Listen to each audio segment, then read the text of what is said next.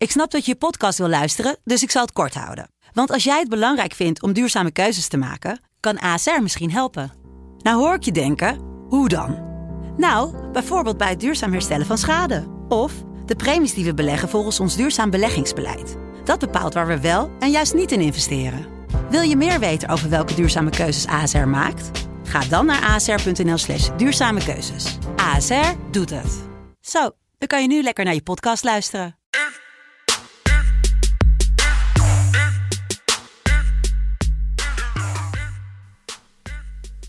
Vrijdag 25 juni 2021, aflevering 14 van de FC Betting Sportzomer. We hebben natuurlijk twee dagen rust bij het EK, maar uh, gelukkig begint dit weekend de Tour de France.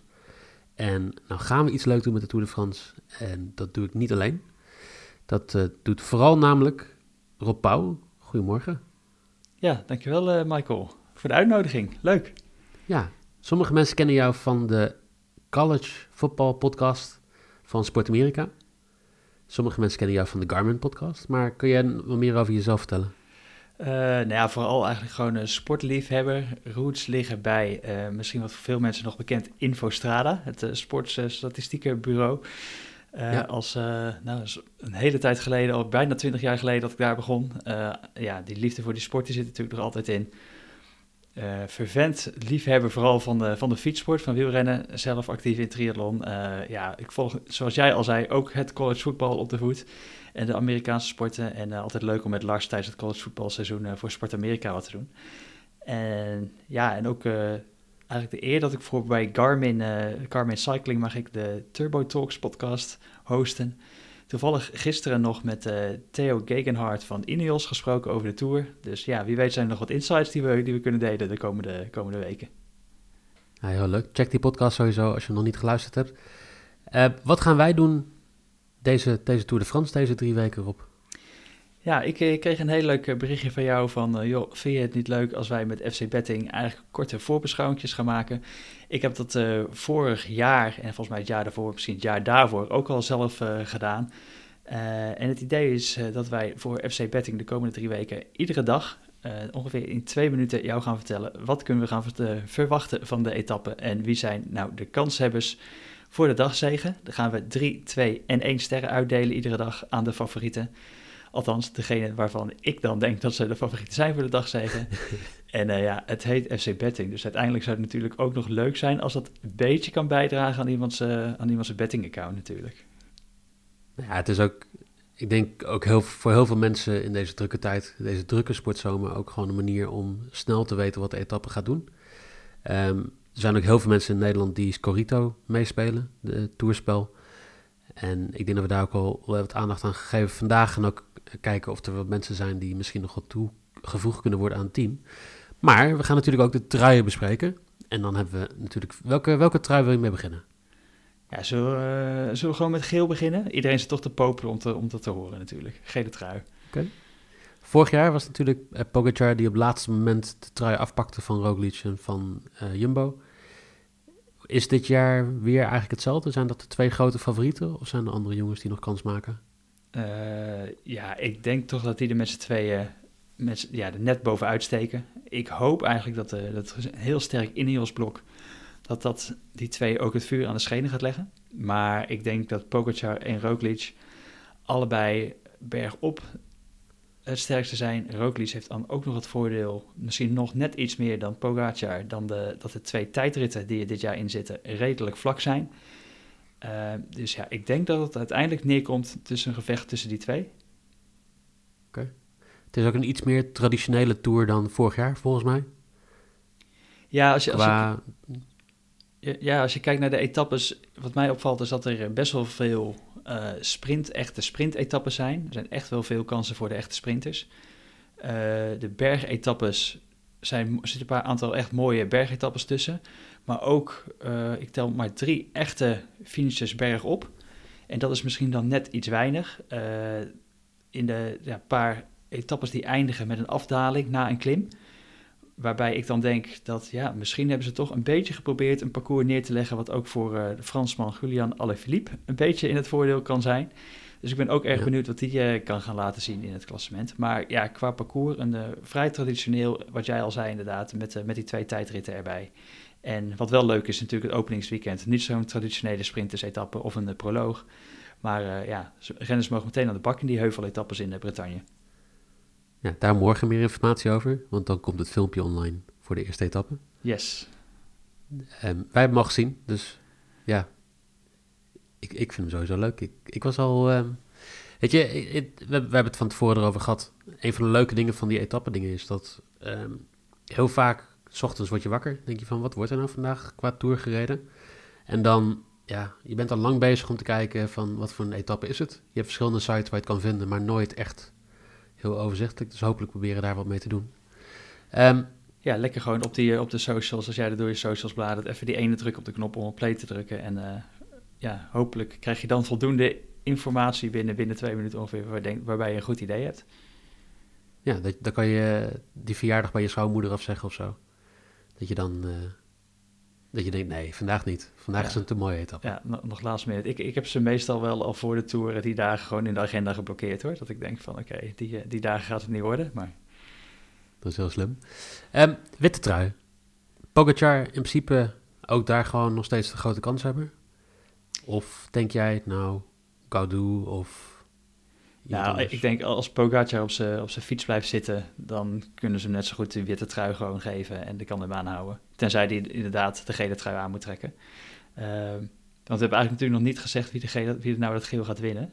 Wat te denken. Oeh, dat is wel een goed punt. Uh, ik, ik, ik, ben zelf nog een beetje, hoort het in mijn stem, ik ben nog een beetje daarin aan het twijfelen. En Roglic heeft toch wel met deze twee tijdritten echt de kans om af te maken wat ze vorig jaar niet konden doen. Andere kant, Pogacar heeft een beter team bij zich dan vorig jaar. Uh, waarbij hij wat meer ondersteuning zou moeten hebben. En die, vorig jaar komt natuurlijk nog iets meer op de verrassing spelen. Dat kan dit jaar ook wat minder. Uh, poeh, uh, ik denk dat Pogacar misschien ook wel met, met wat bonusseconden die hij kan pakken, want aankomst net iets rapper is dan Roglic, uh, misschien toch net verschil gaat maken. Dus ik zeg toch dat hij back-to-back gaat. Ja. Ik vind het wel heel leuk om te zien dat, dat veel voorbereidingssites het echt hebben over dat er geen Sloveen gaat winnen. En dat uh, Egan Bernal bijvoorbeeld een, goede kans zou kunnen hebben. Um, ja, een deel van mij wil daarin meegaan. Een deel van mij zegt van ja, ik, ik, als ik ook kijk wat ze maar Pogacar en Roglic tot nu toe dit jaar hebben laten zien, is het gewoon een goede... Nou, Roglic wat minder, want die heeft weinig gereden. Maar Pogacar heeft gewoon een goede rit ook gereden de afgelopen twee maanden. Ja, het is ook wel dus- interessant, die voorbereiding wat jij al zegt van Roglic is ook interessant. Kiest voor een andere voorbereiding de andere jaren. En Pogacar heeft ook net wat anders gedaan. Die heeft alleen de ronde van Slovenië recent gereden. Uh, ja. nou, Bernal heeft natuurlijk de Giro gewonnen, dus die is er niet bij. Maar Ineos rijdt hij wel natuurlijk met uh, Thomas... Uh, die volgens mij echt een hele goede doen is, net zoals uh, Carapaz. En daarachter hebben ze Poort en Gegenhardt. Uh, Poort vorig jaar natuurlijk toch gewoon derde in de Tour, vergeten we bijna. Dus ze hebben wel echt een heel sterk blok. En als die, ja, zoals ze zeggen, als ze Grenadiers willen gaan koersen, dus echt meer aanvallend koersen dan wat ze misschien bijvoorbeeld de mensen afgelopen jaren gewend zijn van ze, dan hoop ik wel dat het echt heel erg, heel erg leuke Tour gaat worden. Ja, absoluut. Ik realiseer me nu pas inderdaad dat eh, Bernal de Giro heeft gereden. Dankjewel voor de correctie. Ja, niet, niet, slecht ook. Daarom maak jij de filmpjes, hè? niet ik. um, ja, ja ik, weet je, ik ga ook voor Roglic. Ik, ik denk dat... Nee, ik ga voor Roglic. Ik, ik, ik denk gewoon dat hij met Koes, met uh, Wout van Aert, zeker in de weinige bergop uh, stukken, dat hij gewoon precies de teamgenoten heeft die hem er doorheen kunnen loodsen. En dat hij in de tijdrit gewoon tijd gaat pakken op Pogacar. Ja, ik ben ook benieuwd inderdaad of die voorbereiding die hij nu gekozen heeft, want hij is inderdaad altijd goed als hij direct uh, vanaf hoogte komt naar een koers. Uh, dat hij daardoor voorkomt dat hij de derde week misschien net ietsje minder is dan, dan, zijn, ja, dan concurrenten. En dat dat dit jaar uh, voor, voor goed voor ze uit gaat pakken. Maar jij zegt veel sprintetappes. Ik denk dat het toch wel belangrijk is dat je gewoon op de fiets blijft. En dat je... Dit is weer zo'n tour waar je in de eerste week gewoon wel zoveel schade op kan lopen dat, je, dat wel in ieder geval één klassementsrenner uitdondert. Ja, dat is eigenlijk het, eh, het verhaal van de Tour wel. Hè? Dus, of misschien wel van iedere grote ronde. Um, ik, las pas geleden ook nog een, een uitspraak en er is there's a thin line between fit en fucked. Um, dat die renners ze zijn soms zo afgetraind en zitten op zo'n dun randje dat ze balanceren sowieso al qua gezondheid, qua spanningen, et cetera, wat er allemaal bij komt kijken. Uh, en dan gooi je er dan ook nog eens bij dat er uh, ja, het risico op valpartijen, de onrust die er in zo'n eerste toerweek is. Bretagne is toch morgen ook nog best wel weer wat draaien en keren dit weekend door die dorpjes heen.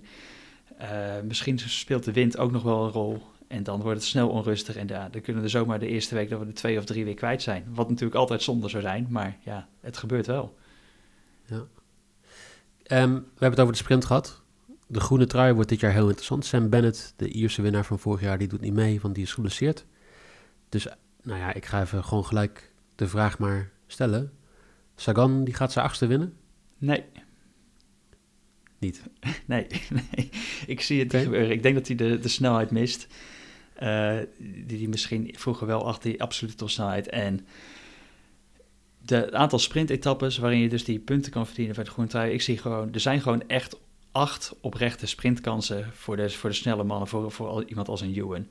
Uh, misschien wel als een, een Merlier en een Demar. En ik denk dat ja, die hebben meer snelheid in de benen dan Sagan, kunnen daar gewoon meer punten pakken. Sagan heeft natuurlijk altijd vaak ook punten gepakt bij, die, uh, bij de tussensprints. Uh, ik vind het ook moeilijk om te zeggen, als ik naar de profielen van de etappes kijk en waar die tussensprints liggen, om zomaar te zeggen, dat daar zijn echt de punten dat Sagan meer punten gaat pakken of dat hij echt in kan lopen, zonder dat bijvoorbeeld misschien ook een Colbrelli, die misschien op dit moment ook wel net iets sneller is dan Sagan, ook daar punten kan pakken. Uh, dus als we naar groene trui kijken, kijk ik eerder naar een Ewan en Demar en misschien ook nog wel naar Sonny Colbrelli eigenlijk. Ja, die had jij ook volgens mij wel hoog staan voor de eerste etappe. Ja, Gelijk dus, spoiler alert, maar die, uh, ja, ja die, die, die, die, krijgt een mention in de etappe inderdaad, ja. Want ja, Colbrelli zou de eerste Italiaan zijn die de groene trui pakte in, wat, 25 jaar? Ja, kijk, dat zijn de feitjes die, die ik dan weer niet uh, voorhanden heb, uh, Michael. Maar ja, het ja, zou zomaar... Uh, de laatste... Ik zoeken. Ja. Ja. ik ga ja, ja, zoeken in de tussentijd. Wat, wat ook inderdaad heel interessant is voor die groene trui... waar mensen misschien ook nog wel denken... met al die aankomst, als ik zou zeggen dat er acht echte sprintetappes zijn, dan denken mensen, maar Mark Cavendish is natuurlijk ook in deze Tour. Ja. En? vorig jaar was het niet, of was het vorig jaar dat hij, de, dat hij wel meereed, maar nooit echt mee heeft gedaan? Nou ja, hij is natuurlijk echt een paar jaar uh, echt op een minder niveau geweest. En ik moet ook zeggen, ook ik had hem al afgeschreven eigenlijk en nooit gedacht dat hij nog op dit niveau zou komen. Um, en toch, als ik nu kijk, er zijn ook een paar etappes waarbij die aankomst uh, de laatste kilometers best wat tricky zijn met wat bochten, uh, draaien en keren, waarbij je lead-out echt cruciaal is. En als er één team is uh, ja, die een goede lead-out klaar heeft, op de, op de rails heeft, waar Cavendish van kan profiteren, is het de Koning Quickstep met, met Morkov, Ballerini die is mee. Ja, dat zijn gewoon echt kanjes waarbij die daardoor denk ik gewoon echt oprecht gewoon een kans gaat maken om nog een toeretappe te gaan winnen. Oké. Leuk, uh, leuk om nu alvast op in te zetten. Ja. Want ik denk dat de quotering voor Cavendish een etappe pakken best hoog gaat zijn. Uh, zo aan het begin. Dit is elf jaar geleden dat een Italiaan de groene trui pakte.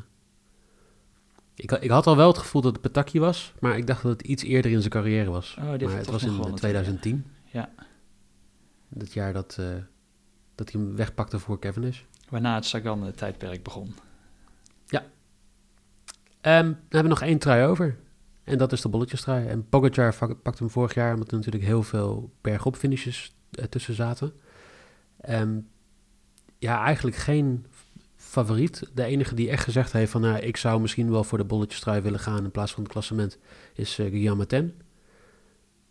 Denk jij dat, dat het zo makkelijk is om te zeggen... ik ga hem pakken en dan gewoon elke dag weer wegrijden? Of ja, gaan ze toch iemand als Martin geen ruimte geven? Uh, nou ja, eh, eh, er zijn vaak al mensen die in deze eerste etappes, dit in het openingsweekend, al meteen punten willen sprokkelen en daarna zo lang mogelijk mee willen gaan doen om die trui. Uh, daar weet ik niet of ze hem al zo makkelijk meteen wat ruimte geven om, om weg te laten rijden. Uh, en je hebt natuurlijk altijd het geval nog dat er renners zijn die voor dagzegers gaan. En we hebben het al net over genoemd, over klassementsrenners die misschien vallen. Dat zijn ook mensen die daarna misschien denken, weet je wat, ik moet een ander doel zetten. En als ik voor deze etappes ga, dan kom ik automatisch misschien wel hoog te staan in het, in het klassement. Uh, voor de bolletjestrui en daarna daar ook een doel van gaan maken. ik weet dat een, ja, een Vogelsang, een Yates, een Bargiel, zijn toch mensen die waarschijnlijk voor etappes gaan. Zelfs een Quintana heeft gezegd dat hij niet voor het klassement echt, ja, dat ze hem daar niet echt voor kunnen verwachten. Dus dat is misschien ook maar zomaar iemand die dan denkt van, weet je wat, ik rijd wel voor een Franse ploeg, ik moet toch goed in beeld zijn en dat kan zomaar een ander, een ander doel worden. Dus die strijd om de bolletjestrui ligt, ligt denk ik heel erg open. Ehm, ja, ik sluit ook bijvoorbeeld een Alaphilippe niet eens uit, die dat hij daar uiteindelijk voor gaat als hij net niet hoog genoeg in het klassement gaat eindigen. Dus uh, wel een hele leuke altijd om te volgen. En ja, ik, ik, ben erg benieuwd wat daar gaat gebeuren. Ik ga een rare vraag stellen. Wordt het niet weer eens keer tijd voor een Nederlandse winnaar van de bolletjesstrui? Een Wout Poels, een Bauke Mollema? Uh, ja, nou, tijd wordt het, uh, zou het zeker zijn. Uh, de enige die ik het hier zie doen is, is Poels, eventueel. maar Poels weet niet of hij consistent genoeg is en dat hij de wil heeft om iedere dag mee te zitten in die etappes dat het moet, om echt die punten te, punten te sprokkelen. Mollema had ik misschien, zag ik het misschien in de afgelopen Giro doen, maar die gaat dit jaar toch wel echt voor het klassement en Kelderman ook. Dus ja, de hoop zou moeten een beetje zijn gevestigd op uh, Pools of Bouke moet ergens heel veel pech krijgen het eerste weekend, waardoor alles verandert. Maar... maar Mollema klassement bungelt altijd een beetje rond het einde van de top 10 is het dan, dan niet gewoon tijd om te zeggen van... ik wil een trui in mijn kamer hebben hangen voor de rest van mijn leven... en dat is de bolletjestrui?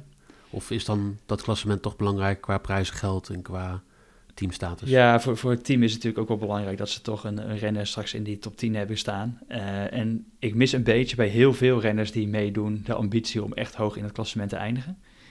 Uh, en als er dan ook nog daarvan een paar van wegvallen, dan heb je zomaar kans dat je wel richting uh, tegen die top 5 een beetje aanloopt, aanschuurt zometeen.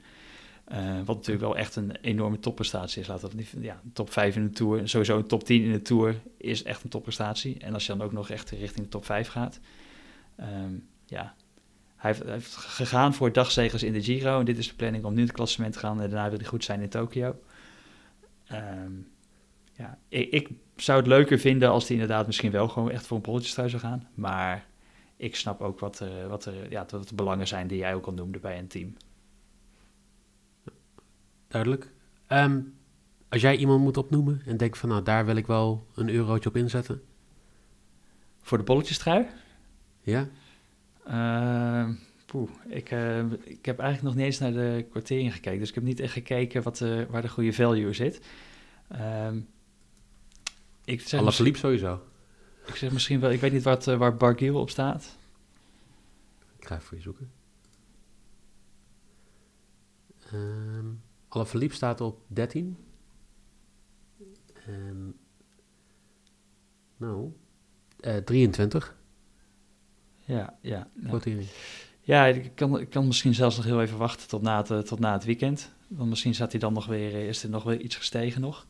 Um, wat trouwens we helemaal nog niet genoemd hebben, is natuurlijk het, uh, het hele Movistar. Uh, uh, omdat we de team classification nu even niet besproken hebben. Maar waar ze natuurlijk weer straks bovenaan staan. Maar die, ja, die komen natuurlijk wel met een team met allerlei aanvallers. Um, of tenminste met renners die wel invloed kunnen hebben op de race. Met een Mas die toch hoog in het klassement kan eindigen. Lopez misschien ook wel, die toch wel echt in de goede vorm lijkt te zijn. Uh, ja, toch wel een leuk team, wat dat altijd weer uh, interessant is. Ook als mensen de Netflix-documentaires natuurlijk al gezien hebben van de Movistar. Om te kijken wat er nu weer gaat gebeuren rondom dat team. Wat, wat wel bijgezegd moet worden is de gemiddelde leeftijd van dat team. Als daar niet een paar jonkies bij zouden zitten, zou rond de 38 zitten. Ja, er zitten een paar goede veteranen erbij. De ervaring hebben ze ook meegenomen. Valverde gaan we het straks over hebben natuurlijk. Of tenminste kunnen we ook nu over hebben. Denk jij dat Valverde... Kijk, ik, ik, denk dat wij vorig jaar allemaal Valverde ook hebben afgeschreven. En daar toch wel wat fouten mee hebben gemaakt. Omdat hij toch sterk blijft, altijd. Is dat dit jaar ook zo, denk je? Uh, weer een jaartje ouder, hè? 41 ja. is, de, is de beste man inmiddels. uh, nou ja, in de Dauphiné eh, weet hij toch een etappe te pakken. Wat natuurlijk wel echt, uh, wat echt knap is. Als je dat gewoon kan op die leeftijd. Want de Dauphiné is toch een, een veld waarin iedereen toch wel richting de Tour voor hem werkt en in, in orde is ik, misschien kan hij één of twee keer meedoen in, nog voor een etappezege. Maar ik zie hem niet meer een... Wat was hij vorig jaar? Elf, tiende in het klassement? Tiende, geloof ik. Ja, zoiets. Ja. dat hij dat niet meer, niet meer gaat doen dit jaar. Ik zit even te zoeken naar... Hij is 1,5 miljoen bij Scorito. Oké. Nou, ik zou, ik zou mijn 1,5 miljoen denk ik toch op zak houden. 12 was hij trouwens vorig jaar, zie ik. Ja, wat wel goed was voor klassementspunten, maar ja. ik denk niet dat hij dat gaat... Uh... En er zijn ook niet... Er zijn wel een paar heuvel op finishes, maar niet, niet Valverde heuvel op finishes, toch? Uh, ja, nee, nee. Ik denk niet dat hij... Uh, dat hij echt in die heuveletappes, de paar die er echt zijn, dat is denk ik echt meer voor een, voor een ontsnapping dat een break daarbij toch een keer een kans uh, gaat krijgen. Um, en dat als die anders aan de streep komt, als het zo'n heuveletappe is, dan is er misschien een Wout van Aert er ook nog wel. En dan, uh, ja. ja. dan is hij toch altijd een minder snelle. En er zijn er nog een paar veteranen. Um, kijk, Van Avermaat eigenlijk altijd. Alle verliep noem ik even als veteraan, omdat hij toch wel elk jaar punten pakt in de Scorito Pool. Um, die, is, is niet zo goedkoop als uh, Van Avermaat of, uh, of Gilbert. Um, ja, vorig jaar kreeg Van Avermaat en Gilbert mensen die hebben weinig punten gescoord in de Scorita pool. Ja, en ik zou eigenlijk zeggen, als ik naar het profiel kijk, wat ik al zei, veel sprintetappes of misschien berg, dan is het lastig om direct te zien um, dat, ze, dat ze dit jaar weer heel veel punten gaan pakken. Uh, misschien het openingsweekend, dat wat mij eigenlijk opviel, heel veel voorbeschouwingen of wat ik tot nu toe heb gelezen, bijna niemand heeft het meer over Greg van Avermaat. Terwijl het natuurlijk, als dit nou, een paar jaar geleden zo'n aankomst was, zo'n etappe, dan denkt iedereen, nou, Greg is hier misschien nog wel de grote favoriet. Uh, dus ja, het zou toch de, dit openingsweekend, zouden ze er eigenlijk meteen allebei moeten staan. Maar uh, hoe duur waren ze, zei jij, in Scorito? Nou, um, Greg van Avermaat is volgens mij 750.000. Hij is 1 miljoen, zie ik. Oké. Okay. 1 miljoen. Ja dan is Schubert goedkoper. Als ik er een van de twee moest nemen, dan zou ik wel van Avermaat nemen. Omdat toch wel iemand is die echt altijd meesprint. Uh, al is het om de knikkers, zeg maar. Dat maakt niet uit. Die gaat er gewoon vol voor. Ja. Vijfde plek is ook een plek. Ja, ja voor Krek is dat altijd, uh, altijd waard, ja. ja. Dan nog één laatste veteraan. Waar, we, waar ik heel weinig over gelezen heb tot nu toe. Maar misschien kan jij uitleggen waarom. Pierre Roland? Ja, het is een beetje vergane glorie, vrees ik. Uh, hij rijdt ook niet echt meer die, die allerhoogste of de allersterkste wedstrijden en kan zich daar ook niet meer echt meer in tonen. Uh, hoe, hoe, oud is hij eigenlijk op dit moment? Tjoh. Ja, het zou ook 34 zo zijn. Hij natuurlijk bij B&B, ja, 34, ja, ja inderdaad. Um, ja, ik denk die moet het gewoon hebben van ontsnapping. Zal misschien ook nog wel proberen in de bolletjesstrijd te komen. Maar uh, ja, die heeft niet meer het niveau van een paar jaar terug. En dat uh, zie ik ook niet meer uh, gebeuren. Achttiende vorig jaar in het klassement. Ja. Dat is nog beter dan ik had verwacht eigenlijk. Maar um, mooi, outsiders. Want dat is natuurlijk veel leuker. Wat zijn nou de mensen die dit jaar gaan verrassen? Ik heb Benoit Connefroy ertussen gezet. Ik weet niet of je het daarmee eens bent trouwens, maar... Ja, het is dat, vorig jaar was het natuurlijk echt een, een, met, een tour met verrassingen. Met een uh, Kra Andersen, die van, eigenlijk met heel DSM, wat heel goed was. Natuurlijk uh, ook vooral Hirschi. Uh, die soort van de openbaring was. Ik vind het lastig om dit jaar zo iemand tussen te vinden. Costa is, is denk ik een hele leuke jonge, leuke jonge renner. En ook meteen voor die, voor die ja, heuveletappes en het openingsweekend ook wel. Maar niet iemand die, uh, die op het, in het hooggebergte mee gaat komen.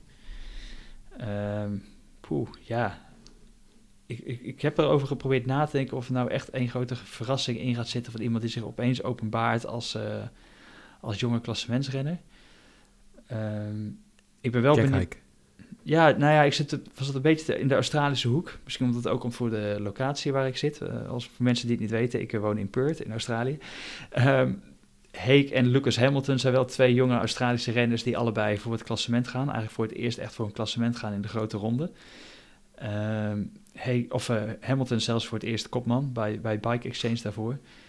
Misschien dat zijn dat wel renners die gewoon, nou ja, jij noemde het net al, achteraan in, je in die top 10 kunnen hangen. En dat zijn wel renners die een beetje rond die zevende, achtste plek, denk ik, zo meteen uit kunnen komen. Omdat ze toch wel echt wel talent hebben en niet echt renners zijn die er echt helemaal doorheen zakken.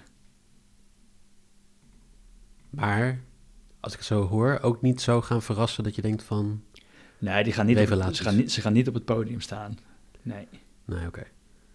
De, degene, waarbij ik dan, iemand? degene waarbij ik dan het meest misschien nog denk, is misschien Godu. Ja, dat, daar wou ik net naartoe, want dat is wel iemand die een beetje getipt wordt als outsider überhaupt qua, qua kansen.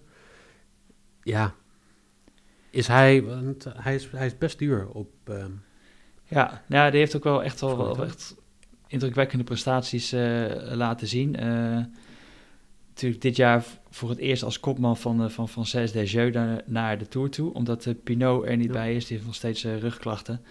Ehm, hoe oud is Godou nu? 24 denk ik ook? 24. Ja, 24.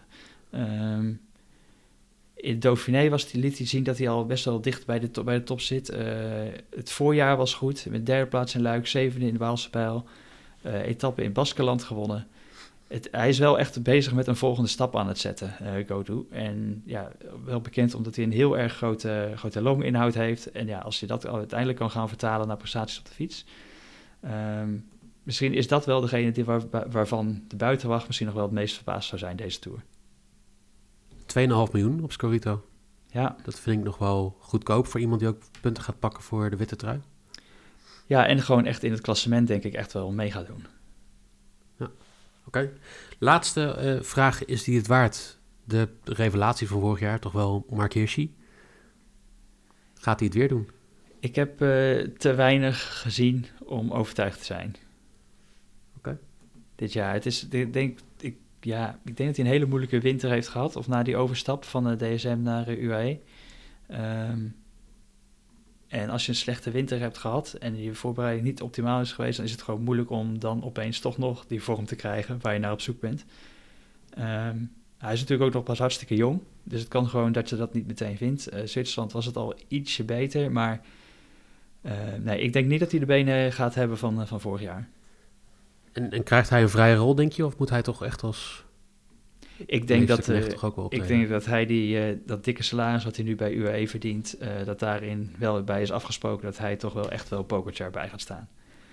Oké. En ik denk dus dat er bij zou... UAE echt alles wel op Pokerchar is. Oké, dus jij zou hem overslaan als zijn de... Ja, riskant, maar ik zou het doen. Oké, duidelijk. Um, dan hebben we alle truien gehad, we hebben de Scorito's gehad. Is er nog iets wat jij mensen mee wil geven voor deze komende drie weken? Uh, poeh, nee, nee, ja, ik zou zeggen, ga er gewoon uh, van genieten en uh, ja, geef ons een kans met onze dagelijkse voorbereidingen. Ga het, ga het volgen, die, die twee minuten, en laat je op de hoogte brengen.